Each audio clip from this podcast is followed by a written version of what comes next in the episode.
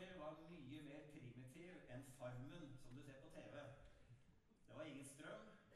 Det var en liten tresnekke som kom enten annenhver uke eller hver uke en gang på besøk. Det var kontakten med omverdenen. Vi måtte bake all maten vår, bake brød i vedovn, og maten som vi spiste, den samla vi stort sett i fjæra. Det var skjell, det var eh, dampa skjell, kokte skjell, bakte skjell, friterte skjell, stekte skjell. Det var skjell opp og ned av stort sett det vi spiste. Av og til litt fiks, fisk. Og om vi skulle feire noen ting, så fikk vi tak i ei høne og kutta huet av den. Og så spiste vi den. Stedet vi skulle bo på, eh, var stedet som Don Segundo eide. Don hadde en søster som i, i barndommen ble, etter det vi ble fortalt, eh, forbannet av en heks og ble forkrøplet i kroppen sin. Helt til det kom et team Når hun var blitt voksen, så kom det et team fra oss forbi som ba for henne, og hun ble momentant helbredet.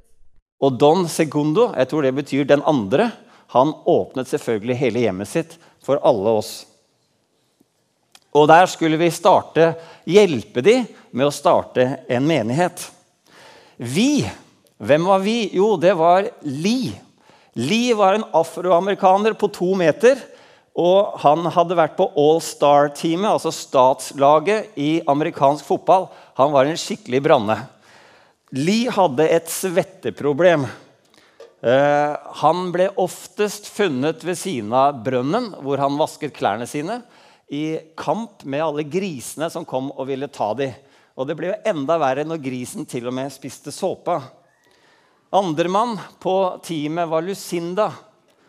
Lucinda hun kom fra en vanskelig familie. Eh, en voldelig familie, og hun var et offer. På toppen av det hele så hadde hun vært i en bilulykke og knekt ryggen, slik at hun gikk med et sånn svært stålkorsett rundt seg. Og så hadde vi Heidi på teamet. Det var en ressurssterk jente. Helt til hun kvelden før vi skulle reise, så datt hun i trappa. Og når hun datt i trappa, så løsna det noen nyresteiner i nyrene hennes. Og hun fikk forferdelige smerter. Men reise skulle hun.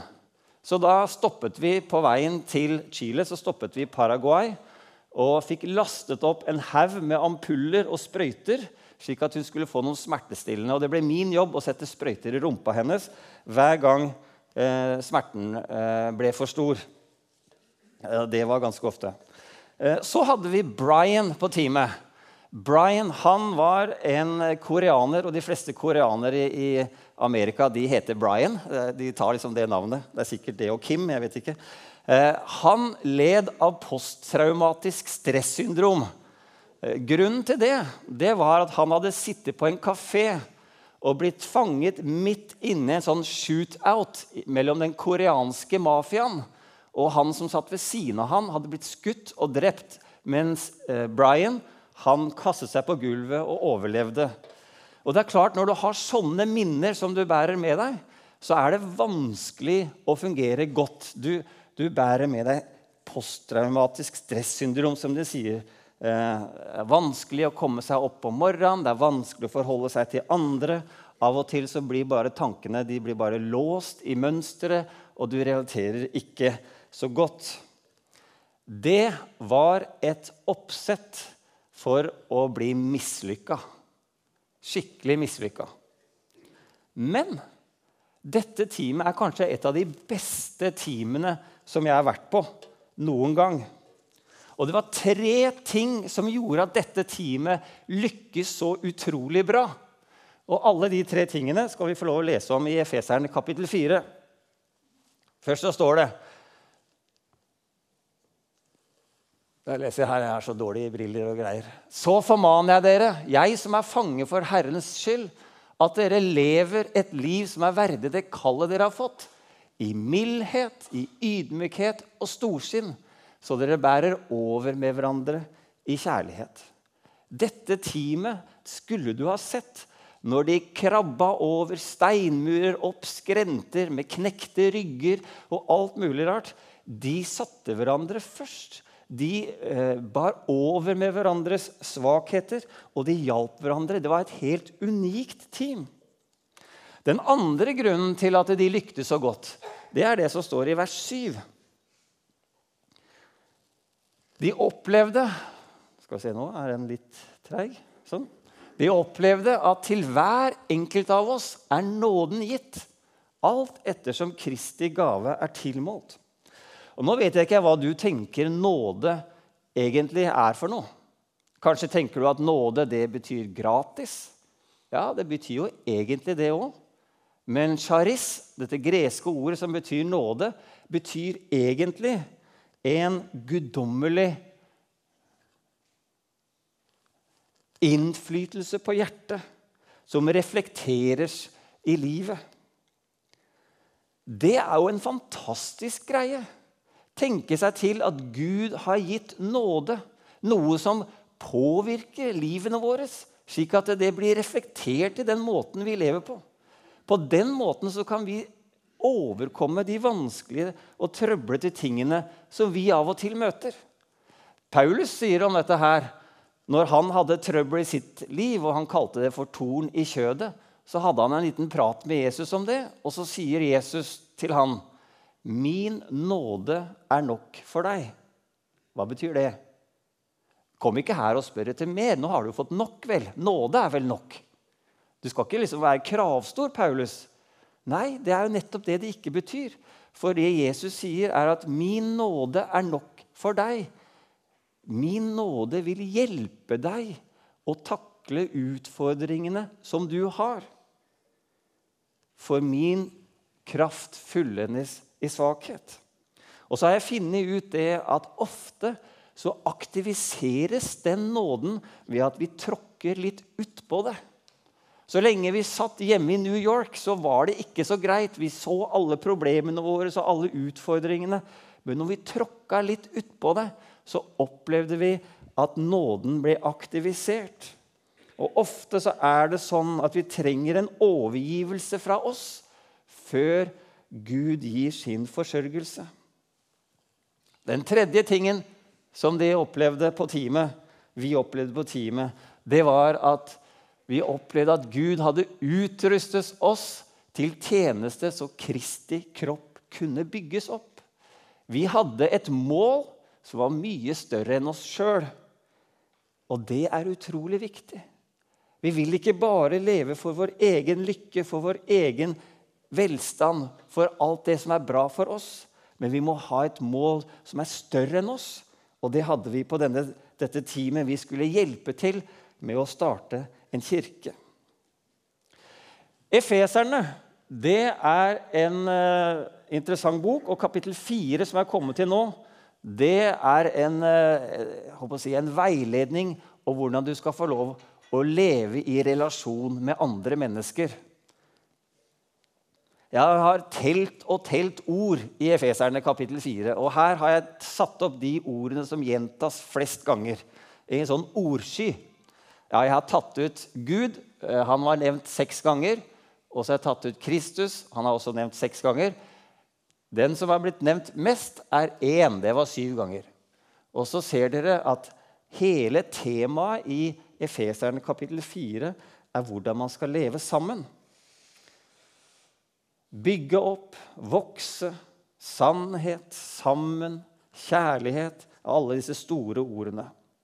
Og hvis du ønsker å være godt likt, dersom du ønsker å skaffe deg litt relasjonell kompetanse, om du ønsker deg flere venner, eller kanskje du vil lære å være en god venn, ja, da bør du lese og leve det kapitlet her. Men samtidig så nytter det ikke at vi bare er en koseklubb. Nå har jeg lyst til å introdusere noe som kalles sigmoid-kurven. Det kommer av den greske bokstaven sigmoid. Eh, og for de som hører på dette her på eh, for noe, podkast, så er det en S. En graf som ser ut som en S som ligger litt på skeive. Først så går det nedover, og så går det oppover, og så går det nedover igjen. Den kurven brukes av mange til å forklare veldig mange ting i samfunnet vårt. Vi kan forklare menneskenes liv på den måten. Til å begynne med så er vi et uh, spedbarn, og vi trenger masse input og produserer ingenting. Vi bare ligger der og skriker. Så kommer det et punkt hvor vi begynner å gi litt mer av oss sjøl. Og så er vi et produktivt menneske i en viss uh, tid. Og så går vi mot høy alder og mot kanskje sykdom, og vi blir mer og mer avhengig av de andre. Og så til slutt er det slutt. Det er livssyklusen til et menneske. Men det er også livssyklusen til organisasjoner og bedrifter og mange andre ting. Og Da satte jeg meg ned og tenkte jeg, la meg finne en eller annen organisasjon eller bedrift som er ganske fersk og ny. Ja, Da valgte jeg Tesla. Eh, det er forholdsvis nytt. Eh, og hvor ligger Tesla på den grafen? Ja, kanskje der. De har begynt å produsere flere modeller. De virker som er en oppgangsfase, i hvert fall så lenge vi får i Norge hvor vi får subsidiert bilen. Hvor lang den perioden med produktivitet vil vare, det vet vi ikke. Men eh, kanskje ligger den der. Og på et eller annet tidspunkt så vil kanskje de, hvis ikke de er veldig dyktige, så vil de bli gamle, og folk vil slutte å kjøpe Teslaer. Så tok jeg et annet firma som jeg tenkte jeg må se litt på. Det var Kodak. Er det noen som kjenner igjen Kodak? Ja, Er det noen som savner Kodak? Det, det var jo et eh, sånn uh, virkelig kjent merke i gamle dager. Til og med uh, hadde vi uttrykk i språket vårt som het 'Kodak Moment'. Husker dere det? Det var et kjempefint bilde, eller en scene for en fin bilde. De har jo kommet liksom over the hill. Det er ingen av oss som bruker dem lenger, fordi vi har jo iPhoner og digitale greier. Det som er interessant med Kodak, det er at omtrent midt på her, i 1974, så var det en av ingeniørene deres som oppfant det som var forløperen til en, bild, en digital bildebrikke. Og Så dro han til uh, sjefene i Kodak og så sa han, du, se her, dette, er, dette må vi satse på. Og Så sa sjefene nei, nei, nei, nei, vi driver med film. Det er film som vi lever av. Og fra da så var nesten fremtiden bestemt. Og det gikk over the hill. Og i 2012 så ble de erklært konkurs. Det var livet til Kodak. Og så skal jeg gjøre noe fryktelig skummelt. Hva med Skien misjonskirke? Hvor er vi på den grafen der? Er det litt skummelt å tenke på? Så er det noen som tenker at ja, vi har jo levd i 160 år, så da må vi være langt oppi her et eller annet sted. Men det er ikke sikkert, fordi alderen har ikke noe å si på den grafen. Det kan være mange år eller det kan være korte år i en sånn graf. Men hvor er vi i den grafen? Er vi liksom i begynnelsen? Er vi i den mest produktive tida vår? Eller har vi begynt å flate litt ut? Ja, Det er litt skummelt å tenke på. Er det ikke det? Da har jeg lyst til å si noen ting. De fire tingene der er det som avgjør hvor lang den vekstperioden blir.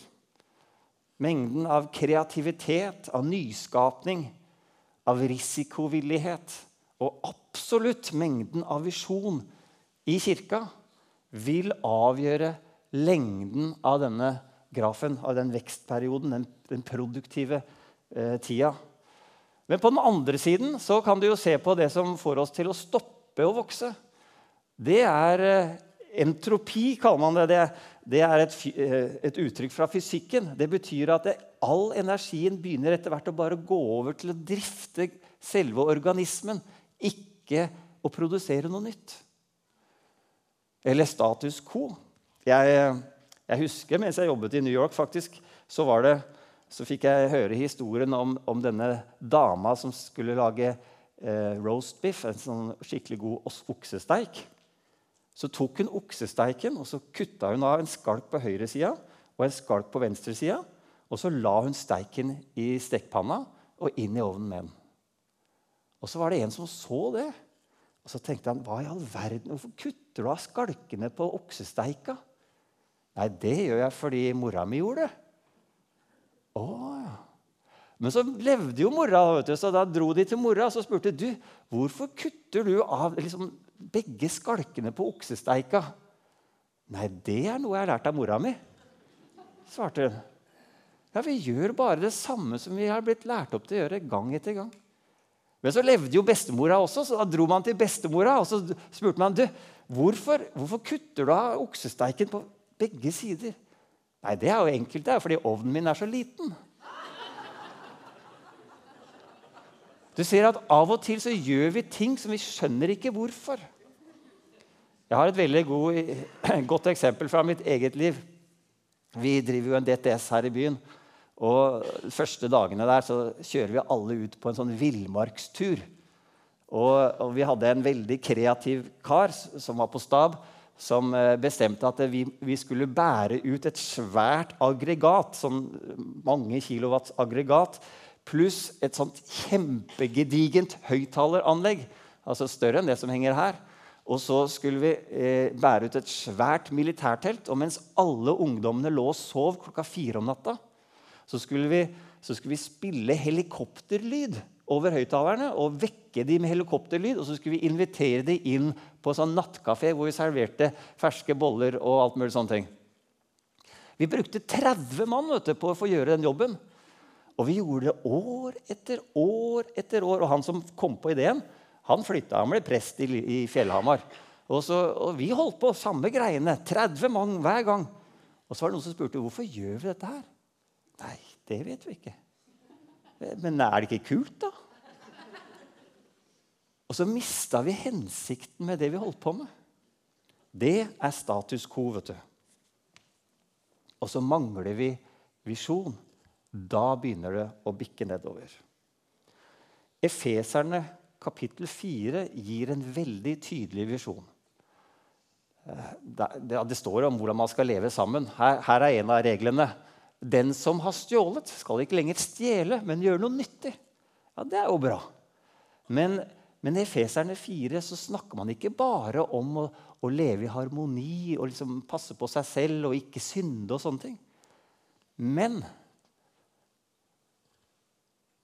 så han kan ha noe å gi til det som trenger det.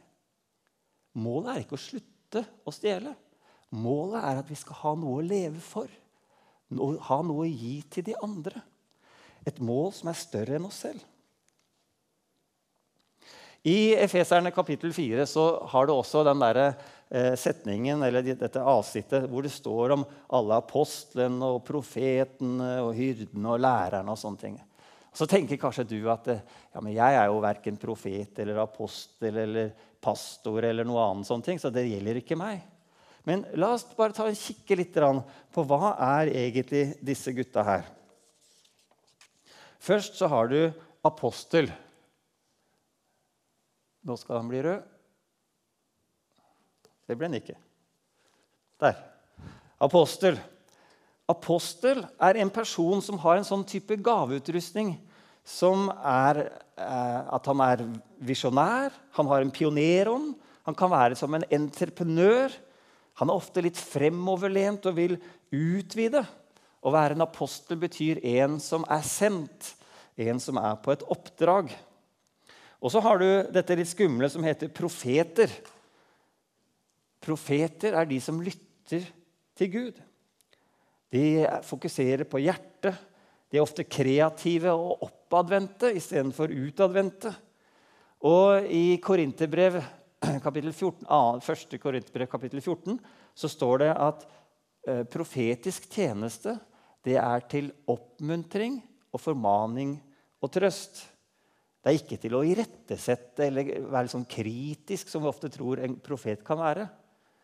Ja, men sa ikke du akkurat formaning, da? Jo, men vet du hva formaning egentlig er? Formaning det er sånn som eh, skitrenerne gjør ved sida av skiløypa. Når Petter Northug kommer gående oppover i full fart, så roper de 'Kom igjen nå, Petter! Frem med hofta! Kom igjen nå, du tar dem over neste sving!' Det er formaning. Ikke sånn 'Fy, fy, fy, jeg har nok sett deg'. Så det er profeten. Så har du evangelisten. Evangelisten er en historieforteller. Han er ofte en selger. Han er flink til å samle folk. Han er en menneskeorientert person og han deler ofte gode nyheter. Så har du hyrden. Hyrden er en som har et varmt hjerte for andre. En som ser behov, en som har empati.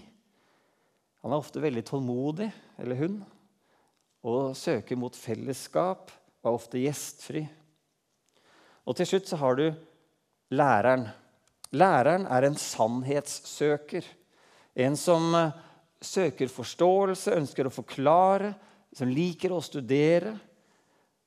Han liker å ha rett, kanskje, og er ofte sammenlignet med en trener eller en foreleser. Egentlig så er dette bare beskrivelse av våre forskjellige personligheter. Og da er det ikke ment sånn at alle apostlene skal samle seg i én gjeng, og alle de som liker å ta vare på andre mennesker, skal samles i en annen gjeng, og vi skal være klikker. Men vi skal være ett legeme og fungere sammen med alle våre styrker, alle våre gaver, alle våre sterke sider. Slik at vi sammen kan bygge opp Kristi menighet. Og nå har jeg tenkt å gi et lite oppdrag. Hva er det å bygge opp Kristi menighet for oss. Mon tro om det kunne være at vi kjenner noen som har vært her kanskje for lenge siden, kanskje nettopp. Om vi kjenner noen som har vært her ganske mange ganger, eller kanskje nesten aldri vært her. Og så kunne vi få lov til å være noen av de som tok kontakt, for å oppmuntre dem. Det kunne være noen som trengte litt ekstra dytt eller en pågangsmot eller en ekstra eh, oppmuntring. Eller kanskje det var noen som trengte litt hjelp til å samle. Noen som trengte noen gode nyheter. Kanskje det var noen som trengte noen som kunne vise tålmodighet. Eller så behovet deres. Eller kanskje det var noen som trengte rett og slett litt hjelp til å få forklart noen ting. Hva om vi med alle våre gaver hadde sett oss ut noen av de som er rundt oss, og sagt du, kanskje jeg kan støtte dem? Kanskje jeg kan hjelpe dem med de gavene som jeg har? Da tror jeg vi bygger opp menigheten. Nå er det sånn at Vi har kikka på Kodak, og vi har kikka på Tesla og vi har kikka på kirka. Men om du skulle sette denne grafen på ditt eget liv. Nå tenker jeg ikke ditt fysiske liv, men hva med ditt kristenliv? Hvordan ville det se ut? Hvor vil du sette et kryss på den linja om hvor du er i dag? Kjenner du at du er eh, full av energi og har lang og rik tjeneste foran deg med masse visjon? Eller har det begynt å flate litt ut? Hvor er det du er i din tjeneste? Ja, Det er det bare du som kan svare på. Hva preger du av? preges du av? Er det stillstand? Er det av rutine? Eller preges du av tjenestevillighet, kreativitet, risikovillighet og visjon? Har du kanskje satt oppdraget på vent mens du realiserer andre ting? Det sies at dersom ikke du bryter nytt land, så er du i ferd med å gå nedover. Hva kan du gjøre da? Det er det som er så bra. Vi er inne i en taleserie som heter Ny start. Du kan få en restart. For alle de som driver firmaer og organisasjoner, og sånn, de tenker alltid sånn at vi kan legge til en ny start på den gamle. Og så kan det fortsette en ny produktiv tid. La oss be. Kjære Jesus. Jeg har lyst til å be om at du skal eh, ta dine himmelske startkabler og gi oss den strømmen som vi trenger, den kraften vi trenger, til å våge å omfavne en ny visjon. Til å våge å ta et skritt ut ja, med litt risiko. Til å våge å tenke nytt. Til å våge å prøve oss på nyskapning. Jeg ber Jesus at for alle oss som har kjent at det har flata ut, så skal du begynne å tale til oss om en ny visjon, en ny ting som vi kan gi oss til. Og mon tro om ikke det skulle være med å bygge opp denne kirka her. Jeg ber Jesus at du skal gi oss motet til å våge å satse på en ny start som du gir oss. Jesu navn. Amen.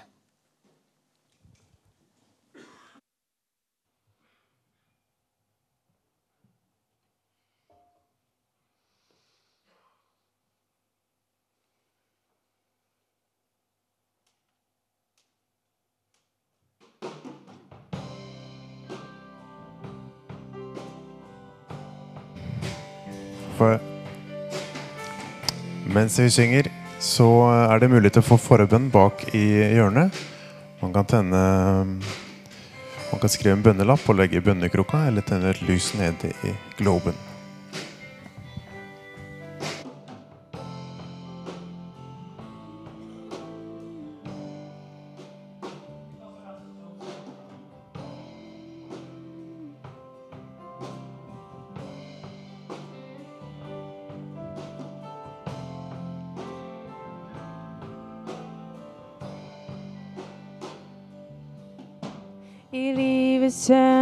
Skjønnhet virker du, du er på ferde i vårt liv.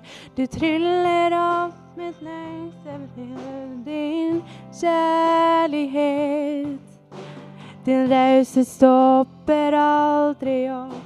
Du frydes ved å glede oss. Det vekker opp et gjensvar til å synge ut. Høylovet er du, Gud,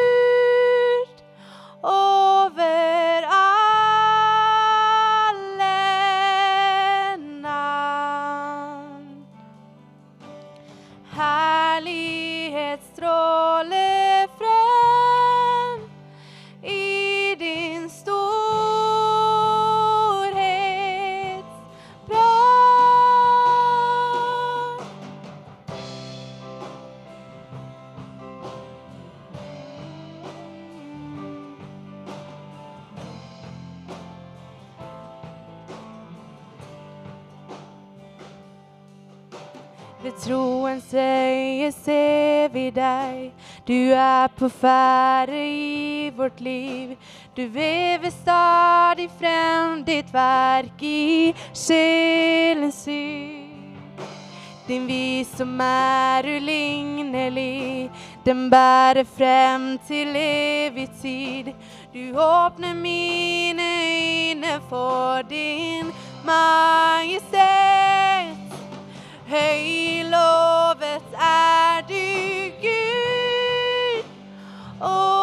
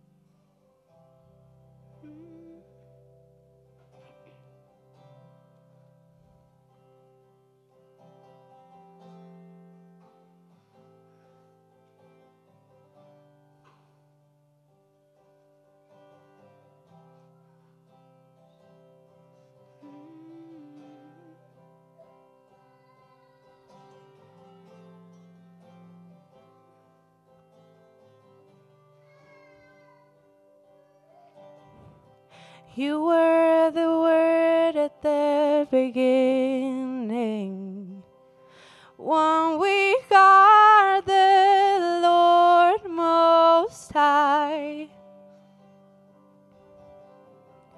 Your hidden glory in creation.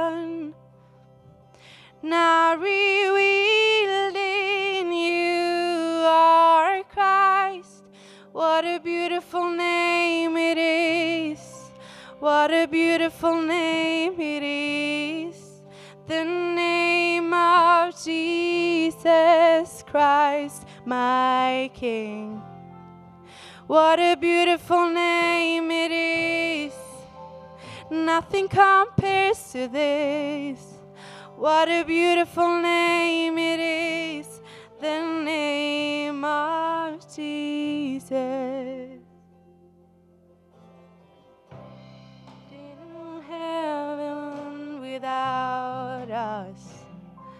So, Jesus, you brought heaven down. My sin was great, your love was greater. What could separate us now? What a wonderful name it is. What a wonderful name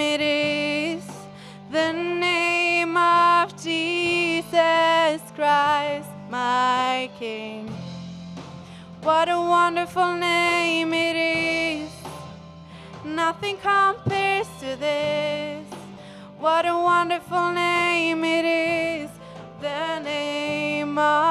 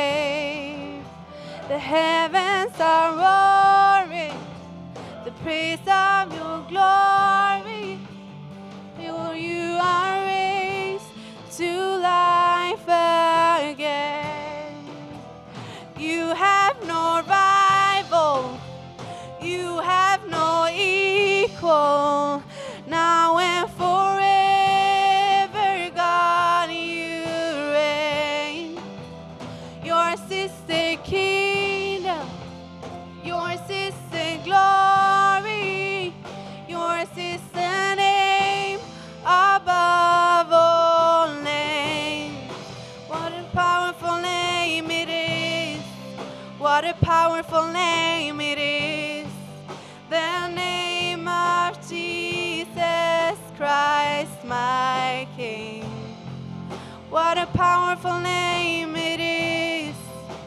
Nothing compares to this. What a powerful name it is. The name